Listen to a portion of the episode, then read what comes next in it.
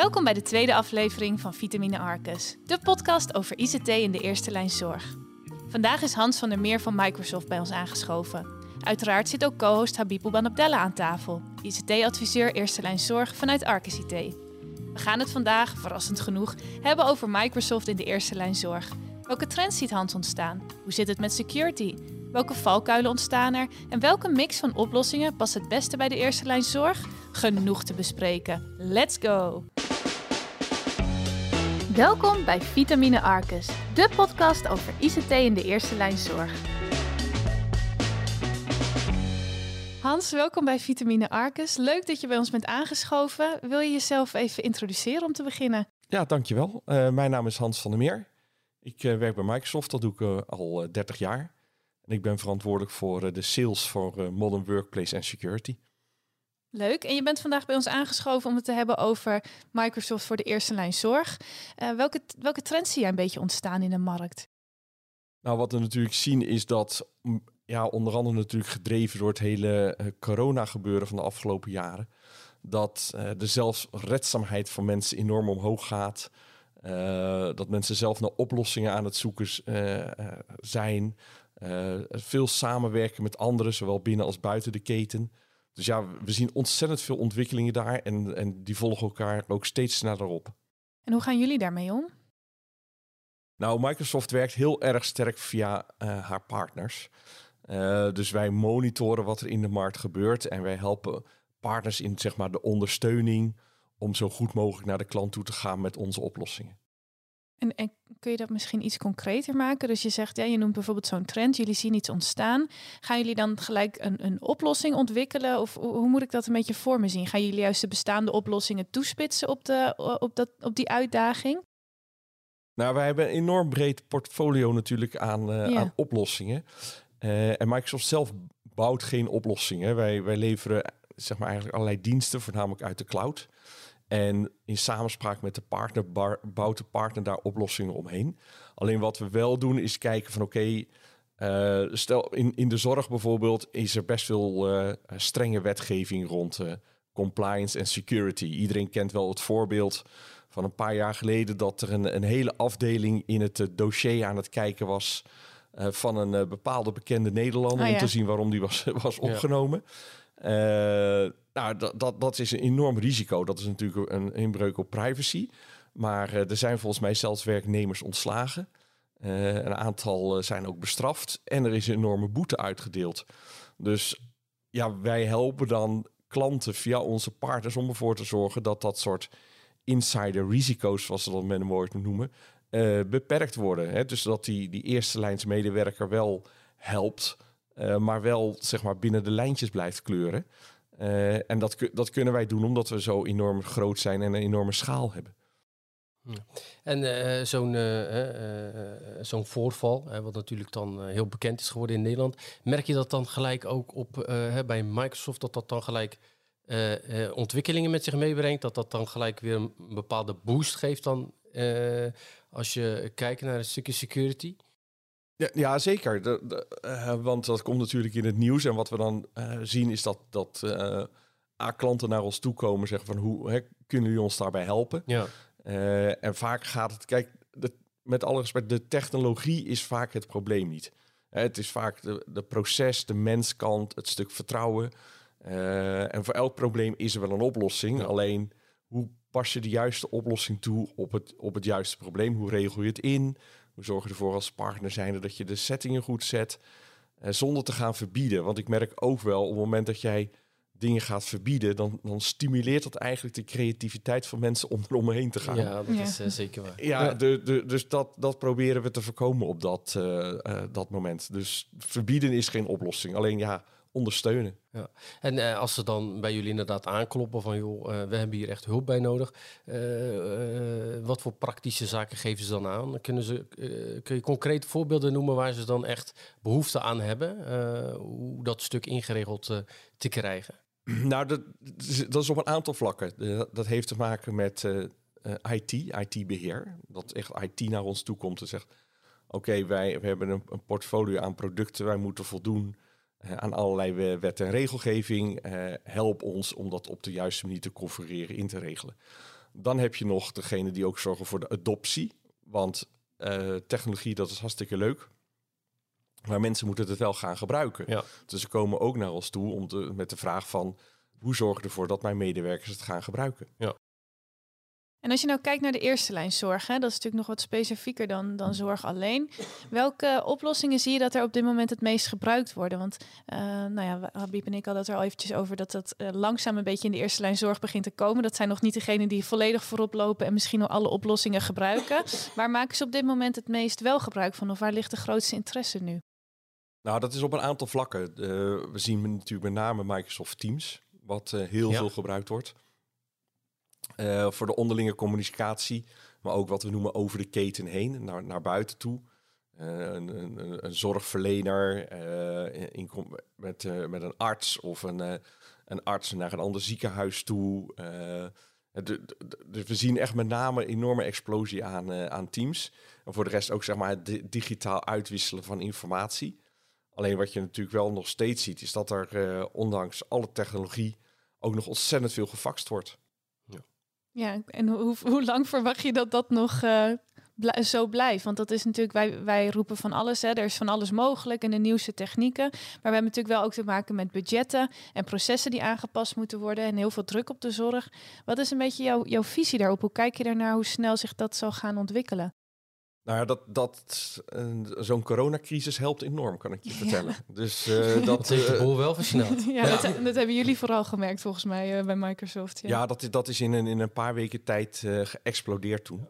En wat we dan wel merken is dat dat gaat heel snel, maar dat niet doordacht.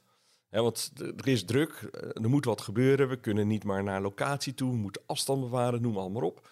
en dan wordt het eigenlijk op een verkeerde manier geïmplementeerd dus ja, normaal gesproken duurt zo'n traject misschien wel een half jaar om dat voor, voor duizend mensen goed in te regelen. En ineens moest het binnen een week. dus, dus dat, dat had een enorme impact op, uh, op organisaties. En nu zien we eigenlijk langzamerhand dat het zo is ingeburgerd dat er ook nou wordt gedacht: oké, we doen wel videobellen en we doen wel samenwerken. Maar wat kunnen er veel meer mee? En hoe zorgen we ook dat het op de juiste manier veilig en op een compliant manier gebeurt? En welk advies heb je daarbij dan voor de, de mensen? Want ik kan me dat inderdaad heel goed voorstellen. Wij hebben die periode zelf ook uh, uh, meegemaakt. Dat men dan toch door de noodzaak een oplossing zoals Teams moest gaan gebruiken. Um, en wat voor advies heb je dan om, om, om ja, de eindgebruikers of de klanten te helpen bij het, ja, het gedacht dat je het zeg maar. Um, ja, dat je dus dusdanig implementeert dat je er even goed over hebt nagedacht. Want het is natuurlijk, uh, je wil het gewoon heel snel gebruiken. En dan kan ik me inderdaad heel goed voorstellen ja, dat dat natuurlijk niet altijd helemaal 100% goed wordt gedaan. Nee, nou dat, dat, dat brengt ook wel wat uitdagingen met zich mee. Want uh, wij zijn in Nederland, even gechargeerd gezegd, ook wel dol op het helemaal plat organiseren en het plat inregelen. Uh, en ook zoveel vergaderingen het over hebben en zoveel afspraken over te maken, dat het bijna een onwerkbare situatie wordt en dat er heel lang over wordt vergaderd, maar er gebeurt voor de rest niet. Dus ons advies is daar wel in om te kijken van oké, wat zijn een aantal kernproblemen wat we proberen aan te pakken? Uh, en uh, kijk dan ook meteen naar security en compliance om dat zeg maar hand in hand mee te laten gaan en niet achteraf. Want ja, als je dan moet gaan corrigeren, of als mensen ergens zijn aan gewend uh, door op een bepaalde manier te werken en dan na twee, drie maanden te zeggen: Oh ja, we hebben dit wel op deze manier gedaan, maar we hebben er niet goed over nagedacht en daarvoor gaan we het nu verbieden. Dan, ja, dan werkt het super averechts. Ik zeg altijd maar, je hebt maar één, één kans om het goed te verknallen. Nee, dat is ook zeker waar. Als we dan inderdaad uh, uh, gaan kijken naar de, de, uh, de, de vertical waar we het vandaag over hebben, de, de eerste lijn zorg, met alle respect, die focussen zich natuurlijk voornamelijk op het leveren van zorg. En ja, de ICT, ja, dat, dat, dat hoort erbij en dat wordt steeds belangrijker en dat beseft men zich ook zeker. Alleen, ik kan me heel goed voorstellen uh, dat ze niet altijd weten waar ze het moeten zoeken. Dus je hebt enerzijds heb je het samenwerken, anderzijds heb je weer een stukje security. Uh, dus ik denk wel dat ze zeg maar, bij de hand genomen moeten worden om al die facetten goed te kunnen doorlopen. Uh, is dat iets waar jullie, uh, ja, waar jullie nog adviezen in hebben? Of waarvan je zou kunnen zeggen van nou, dat, dan is het handig om het op deze manier te doen? Ja, terechte punten. En we zien ook wel dat, dat organisaties daarmee worstelen. Ja. En dat maakt eigenlijk niet zozeer uit in welke branche je zit. alleen er zijn natuurlijk wel specifieke situaties. omdat je bijvoorbeeld met hele privacygevoelige informatie omgaat. Het, op het moment dat jij gaat beeldbellen bijvoorbeeld... en aan de andere kant zit een patiënt... ja, dan moet je wel rekening mee houden dat je dus de privacy van die persoon respecteert. Uh, als je dat gaat opnemen, wat je, met, met, uh, ja, wat je daarmee doet met het, met het opgenomen bestand bijvoorbeeld. Of als je met collega's iets gaat bespreken in een dossier en dat, dat, dat dossier is niet goed beveiligd. En dat kunnen hele simpele dingen zijn, want we denken vaak natuurlijk bij medische zaken over uh, ziektes of uh, moeilijke zaken. Maar bijvoorbeeld een, een bril hebben met een bepaalde afwijking van plus of min 12, ik noem maar wat op, is al een medische indicator. Ja. en, en kan dus ook bijvoorbeeld reden zijn voor een werkgever om iemand niet aan te nemen, omdat hij heel slecht ziet en misschien wel een risico voor de organisatie is. dus, dus, dus ja, dat zijn dingen waar je gewoon in de praktijk tegenaan kan lopen. En dat is wel een goede uh, wat, je, wat je nu uh, aanstipt, hè? het beeldbellen. Dat is iets wat nu natuurlijk vaak in, in de praktijk ook veel voorkomt. door de corona is er natuurlijk ook ja, veel gekeken naar beeldbeloplossingen. En dan rijst toch altijd wel de vraag van nou in hoeverre voldoet bijvoorbeeld beeldbellen via Teams uh, aan, de, uh, aan de regel en wetgeving conform de NEN 7510. Dat soort vragen krijg je dan allemaal wel naar je hoofd geslingerd. En uh, ja, belangrijk om te weten hoe we daar eigenlijk op, op kunnen reageren. Voldoet Teams eigenlijk aan, aan, aan, aan al die facetten? Nou, er zitten meerdere componenten aan vast. Kijk, ik denk inmiddels een jaar of drie, vier geleden werd natuurlijk de AVG ingevoerd. Ja. De Algemene voor Gegevensbescherming. En wat daar specifiek bovenop is gekomen, is zeg maar de NEN 7510 en dan de tweede variant. Dat zijn twee varianten. De, mhm. de, de, de, meest recente is anderhalf jaar oud ongeveer. En daar staan nog extra richtlijnen in hoe je dat inregelt. Uh, dat bestaat uit een aantal componenten. De technologie, uh, de processen en de governance. Uh, en dat, dat houdt dus bijvoorbeeld ook in hoe je vastlegt wat er met bepaalde data gebeurt. Ja. Voorbeeldje, medewerker, gebruikt Office 365. Uh, die heeft een OneDrive, daar slaat hij allerlei dingetjes in op. Die medewerker die verlaat de organisatie. Dan na 30 dagen wordt die OneDrive opgeheven. Maar wat gebeurt er met die data die daarin staat? Misschien staat er wel persoonlijke data van die persoon in. Of misschien heeft hij er wel een document ingezet met patiëntinformatie bijvoorbeeld. Of cliëntinformatie. Dus hoe regel je het goed in dat iemand weggaat? En dan heb je wat we noemen ook de IT-controls. Nou, er zitten in de NEN 7510 heel wat. Het zijn er bijna 400. Wat je op IT-gebied moet regelen. De vraag eigenlijk van... voldoet Microsoft 365 of Office 365 of Teams aan de NEN 7510...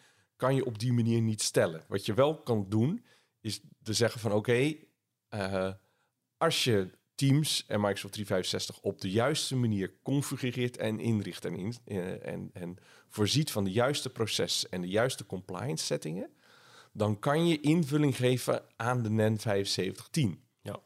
Wij voldoen wel aan de AVG. Hè, dus de data die je opslaat, blijft binnen Europa. Alleen de klant heeft toegang. Dat is helemaal geregeld via de AVG.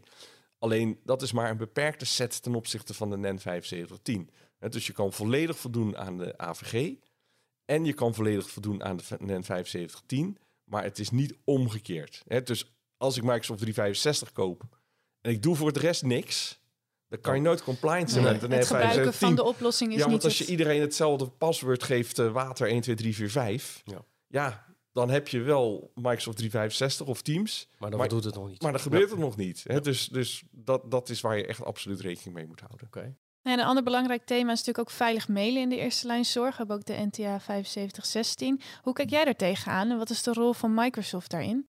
Ja, nou, een hele goede en terechte vraag. Hè? Dus, dus veilig e-mailen. Uh, op het moment dat je binnen Office 365 mailt, is het super veilig. De data wordt geencrypt. Het komt om een, in een datacenter in Dublin of in Amsterdam te staan en helemaal veilig. Op het moment dat je onderling gaat mailen tussen twee organisaties die alle twee Office 365 hebben, dan kan je ook voor zorgen dat je dus heel secure encrypted naar iemand toestuurt en dat je dus naar iemand stuurt en dat het ook alleen maar die persoon is die die e-mail kan openen. Dat doen we met, dat doen we met information protection. Ja. Dus op het moment dat ik de mail naar jou toestuur en je denkt, nou, eh, dat is een handig mailtje, ik voorwaard hem even naar een collega toe, dan kan die collega hem bijvoorbeeld niet openen. Oké. Omdat ik toestemming heb gegeven dat jij het mag openen. Ja, en, en moet, die, moet degene die hem dan ontvangt, moet die dan eigenlijk ook eh, eh, eh, dat soort licenties hebben? Nee, dat hoeft dan niet. Nee, de, alle tweede partijen moeten Office 365 hebben. Ja. Heb, heb je dat niet, dan moet je dus een, een, wat we noemen een tweede token meesturen. En de meeste mensen kennen dat wel, dat, dat je dan nog een sms'je krijgt op je mobieltje.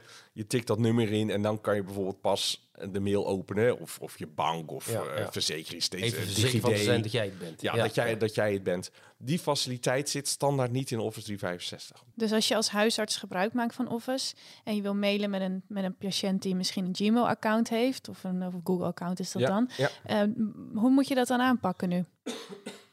Nou, de, de- de- wat je dan moet doen is, eerst moet je gaan kijken, waar gaat het over? Dus hè, zit er in die e-mail patiëntgevoelige informatie? Want als er bijvoorbeeld alleen maar een afspraak is, Kan het. dan, Ja. dan, dan maakt die... Kijk, kijk, op het moment dat natuurlijk in afspraak staat van... eh, eh, eh, Onderzoek aan linkerteen. aan Ja. linkerteen. Of een BSN-nummer. Ja, Ja. dan, Dan, dan kan het natuurlijk niet. En wat je dan moet doen is nog een, een, een stuk derde partij software er, erbij aan eh, haken om ervoor te zorgen dat je dus die tweede factor authenticatie eh, kan doen. Maar Ja. ben je als huisarts dan zelf daarvoor verantwoordelijk? Daar ben je als huisarts zelf voor verantwoordelijk. Ja. Ja. Ja. Ja. dus en je weet eigenlijk niet wie er Office gebruikt, dus zul je hier sowieso mee aan de slag moeten, Nou, op het moment dat jij Dat soort type informatie als verstrekt mail. huisarts m- Ja. een mail stuurt naar patiënten of eh, tandarts, want ik krijg, ik krijg wat van mijn tandarts dat. Hm. Die tandarts die gebruikt software bovenop Office 365, waar dat extra stukje functionaliteit in zit. En zo deelt hij bijvoorbeeld bij mij, als foto's zijn gemaakt van mijn verstandskiezer of van elkaar, Ja. wat hij eens in de twee jaar doet. En dan krijg je gewoon een linkje met, eh, nou, vul je je sms-code in en dan kan ik pas de röntgenfoto's openen bijvoorbeeld. Als je bijvoorbeeld kijkt inderdaad in de eerste lijn zorg, dan wordt er eh, natuurlijk al wel eh, veilig gemaild. Er zijn ook wat gerenommeerde oplossingen. Eh, bijvoorbeeld een, een, een, een, een, zorgmail, eh, Zorgmail, waar ja. echt heel veel eh, hele bekende. eh, eh, ja, praktijken eh, in de zorg, in de eerste lijn zorg mee werken. Ja. Eh, maar zeg je dus dat er eigenlijk ook wel andere alternatieven zijn die binnen de, de Microsoft-omgeving ook gewoon goed gebruikt konnen, kunnen worden op het moment dat je toch al zo'n omgeving hebt? Ja, ja, ja. Het is zo dat eh, er zijn verschillende aan, aanbieders om, eh, om dat eh, te kunnen doen. Eh, Zorgmail is er één van. Alleen wat eh, eh, ongeveer twee jaar geleden in gang is gezet, is een, eh, is een traject vanuit het, vanuit het ministerie om het wat we met een ingewikkeld noemen inoperabel te maken. Want het moet open zijn. Het mag, mag niet zo zijn dat je bijvoorbeeld zegt: oké, ik word verplicht om zorgmail te gebruiken. Ja. Op het moment dat de andere partij geen zorgmail heeft, dan ook die partij moet het kunnen ontvangen. Ja. En omgekeerd. Ja. En dat, dat houdt dus ook in dat dat nu een open protocol is. Ja. En dat er steeds meer andere partijen zijn die dus daarop eh, aanhaken. Nou, een andere partij bijvoorbeeld die dat doet is Bastion 365. Maar er zijn ook eh, Smart Locker. Er zijn, ik denk wel vijf of zes verschillende partijen. En het moet voor de klant niet uitmaken wat hij kiest. Zou je kort kunnen uitleggen wat bijvoorbeeld zo'n Bastion 365 eh, eh, doet? Heel, eh, heel praktisch eventjes. Ja, Bastion 3, kijk, wat, wat, wat Bastion 365 onderscheidt van heel veel andere oplossingen, Ja. is het werkt niet met plugins. Oké. Want iedereen kent wel Outlook, dan moet je een stukje software installeren, dan Ja. krijg je in de Outlook-balk een knopje erbij. Eh, maar dan moet je natuurlijk een stukje software installeren, je moet er beheer op doen, noem maar op. Het onderscheidend vermogen van Bastion 365 is, is dat je hoeft helemaal niet aan de, de desktop te doen van de gebruiker. Eh, en dat betekent dus eigenlijk dat op het moment dat er een mail verstuurd wordt, kan je standaard aangeven, deze mail moet voldoen aan de NEN 7510 of de NTA 7516. Ja. Maar je kan het ook automatiseren. Dus op het moment bijvoorbeeld dat je een mail stuurt en hij ziet dat in de mail eh, gevoelige informatie staat, dan gaat hij het zelf al beveiligen. Oké. En is dat dan in de hele mail of is dat alleen in de header? Hoe, eh, hoe moeten we dat zien? Nee, de hele mail wordt De hele beveiligd. mail wordt ja, ja, dat is verplicht. Ja, nee, ik bedoel de herkenning, zeg maar. Nee, in de header, in de, in de, de e-mail zelf. Oké. maar ook in de attachment. Dus als er bijvoorbeeld een pdf-bestand bij zit en in het pdf-bestand staat uh, knieoperatie. Dan zegt hij, oh, wacht, knieoperatie, dit is gevoelige informatie. En dan beveiligt hij hem automatisch. Dat betekent dus dat uh, ja, die lijst wordt continu geüpdate met, met keywords, hè, dat hij dat automatisch mhm. herkent. Uh, en wordt zeg maar ook automatisch beveiligd. En dat betekent dus ook dat, ja, omdat het, er geen software hoeft geïnstalleerd te worden, er wordt alleen Office 365 moet anders geconfigureerd worden, maar dat is een taak van de IT-admin samen met de partner om dat juist in te regelen. Ja, en, en de eindgebruiker merkt er niets van. En wat dan het bijkomende voordeel is, is dat het op elk platform werkt of je nu Outlook op je, je, je, Mac hebt, op je, op je iPhone, op een tablet, op een iOS, iOS, op you name it, het, het werkt overal op. Zelfs, zelfs met een browser. Hè. Dus als je dus browsermail hebt, ja. Uh, Outlook uh, Web Access noemen we dat met een mooi woord. Gewoon ja, dan, dan werkt het ook, omdat je dus niet gebonden bent aan het installeren van een component. En heel veel andere leveranciers hebben dat niet. Er zijn leveranciers die zeggen, ja, bij ons werkt het niet op het moment dat je een iPad hebt. Ja. Dus dit is echt device en platform onafhankelijk. Device en platform onafhankelijk, ja. ja. Nou ja, het is natuurlijk, je, noemde het al even in het begin, Hans, dat jullie ontzettend veel oplossingen ook hebben. Um, daar zit natuurlijk ook allemaal een kostenplaatje achter. Dat is in de zorg natuurlijk ook heel erg belangrijk. Um, kunnen jullie misschien een van jullie beiden, of misschien wel allebei, iets zeggen over een ideale Microsoft mix voor de eerste lijn zorg. Als je denkt aan de tandarts of de huisarts of de apotheker, waarbij je de ene kant natuurlijk wel compliant bent en dat je ook hè, een stap zet in je in efficiëntie, maar dat het ook een beetje betaalbaar blijft. Hans, heb jij daar een, idee over? Ja, wat we eigenlijk afgelopen jaren hebben gezien, is dat het vaak een, een, een, een deken was aan oplossingen. Dus een, een lappendeken aan oplossingen. En dat betekende soms dus dat er een uh, Microsoft-oplossing was met veel al allerlei oplossingen van andere partijen daar met alle respect tegen aangeplakt. Dat drijft automatisch de kosten op. Niet alleen de licentiekosten, maar ook met name het beheer. voor, voor elk stukje extra software wat je toevoegt, moet je extra beheer doen. Dat maakt het complexer. Dat kost meer tijd. Uh, mensen moeten opgeleid worden, noem maar, maar op. En we zien nu eigenlijk dat steeds meer organisaties kiezen voor wat we met een mooi woord noemen best of suite. Hè, het beste van een suite van producten van Microsoft in plaats van een best of breed. Dus in de plaats van allerlei losse productjes. Ja.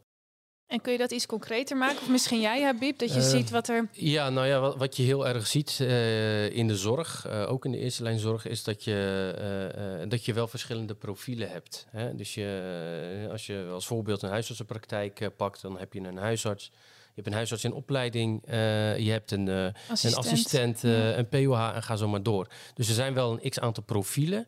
En op basis van de, de werkprocessen van zo'n profiel, dus dat proberen we dan natuurlijk goed te inventariseren. Van joh, wat heb je nu eigenlijk nodig om je werk te kunnen doen?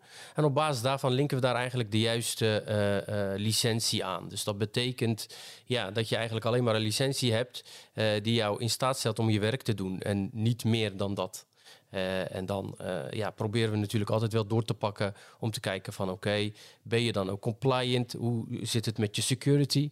En uh, op basis van, van ja, dat soort zaken probeer je daarin wel de juiste licentie te adviseren voor, voor, voor de, de klanten. Ja. ja. maar in de basis moet je natuurlijk ergens een gedeeld iets hebben. Hè? Als je kijkt bijvoorbeeld naar een SharePoint, je kan niet zeggen nou type A die slaat het nog lokaal op en type B die doet het op SharePoint. Wat zie jij nou als de basismix misschien wel? Voor ook voor luisteraars die denken, nou, ik wil even weten of ik op de goede weg ben, of ik wil misschien een eerste stap zetten. Wat zit er in de, in de basismix? Nou ja, in de basismix zit uh, natuurlijk wel gewoon uh, je, je, je gebruikerslicentie, hè, zoals je die uh, vanuit. want wat je wel ziet in de zorg, een stukje historie, is dat ze natuurlijk veel komen vanuit een, een lokale omgeving. Ja. Dus ze zijn eigenlijk wel gewend om je office lokaal uh, op je PC te hebben, je bestanden lokaal daarop te zetten. Dus dat is wel een, eh, een, eh, een ommekeer voor heel veel klanten. Hè. Om naar SharePoint te ja, gaan. om naar bijvoorbeeld SharePoint Teams te gaan. Ja. dat je toch uh, een andere manier van werk hebt, wat een wel een efficiëntere manier van werk is, maar wat misschien nog wel wat tijd nodig heeft om goed te adopteren. Ehm, dus je ziet wel, en nogmaals, dat, zal, dat heeft de coronapandemie natuurlijk wel uh, versneld. Zie je dat er een enorme behoefte is aan samenwerken, aan remote werken met elkaar. Dus wat wij heel vaak zien, is dat er natuurlijk een, een slag wordt geslagen met bijvoorbeeld Teams. Hè? Dat men in ieder geval ervoor zorgt dat iedereen vanuit Teams kan werken. En dan is het de inventarisatie inderdaad om te kijken welke licentie hoort daar dan het beste bij. En welke mix wij dan heel vaak zien, is dat je ja, medewerkers hebben die veel vanuit eigenlijk een informatiesysteem werken. En daarnaast eigenlijk zo nu en dan wel eens wat met documenten doen. Die hebben eigenlijk in de basis niet zo heel veel nodig. Dus die voldoen al eigenlijk met de meest simpele licentie van Microsoft. En dan heb je ook natuurlijk mensen in de back-office die dan wel iets meer moeten doen met bijvoorbeeld Excel, rapportages, et cetera. Nou, dan uh, moet je uh, ja, dat soort uh, type profielen wel voorzien van, van een wat zwaardere licentie. Dus het is wel helemaal ja, op maat eigenlijk. Ja. Ja. En in het begin, Hans, had je het over dat we natuurlijk een, een snelle stap hebben gezet richting Teams en richting het beeldbellen. En dat er een paar punten zijn waar je eigenlijk misschien mis zit zonder dat je het door hebt. Kun je dat eens concreet maken? Hoe kun je eh, ervoor zorgen dat nou, er zijn wat een aantal knopjes en schuifjes volgens mij in Microsoft, wat niet per se te complex is, maar die wel direct zorgen dat je security niveau wat verbeterd wordt. Heb je een aantal tips voor de, nou, de, de snelle starters, de huisartsen, de, de apothekers die, die zijn gestart en nu denken, ja, ik weet eigenlijk niet of ik dat wel goed heb staan. Waar heb je een paar uh, dingen die ze even moeten checken? Ja, ik zou zelf persoonlijk uh, niet uh, aanraden dat een, een huisarts zelf uh, als administrator inlogt op Office 365. Aan de schuifjes gaat En zelfs zitten. maar eens een beetje aan de schuifjes gaan zitten. Dat is hetzelfde dat iemand die verstand heeft van IT niet zelf doktertje moet, nee. moet gaan spelen. dus wat, wat wel kunnen doen is zeg maar aan de partner vragen van uh, kan je eens meekijken in mijn omgeving om te kijken of de Secure Score goed is. Ja. Er zit een standaard tool in, die heet Secure Score. Uh, hoe hoger, hoe beter. Uh, maar er is een ondergrens. Ja, je moet een bepaalde minimum score hebben, zodat je in ieder geval weet, jongens, ik heb de basis heb ik op orde. Ja.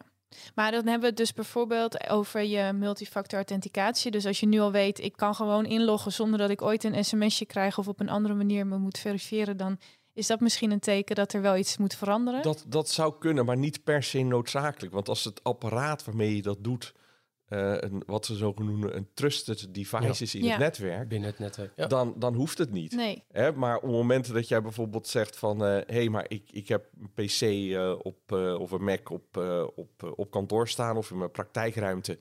Ik ben thuis en ik heb ook een thuis-pc... waar de hele familie ook op Ja. zit te werken. Ja, en ik kan nog steeds inloggen zonder multifactor authentication...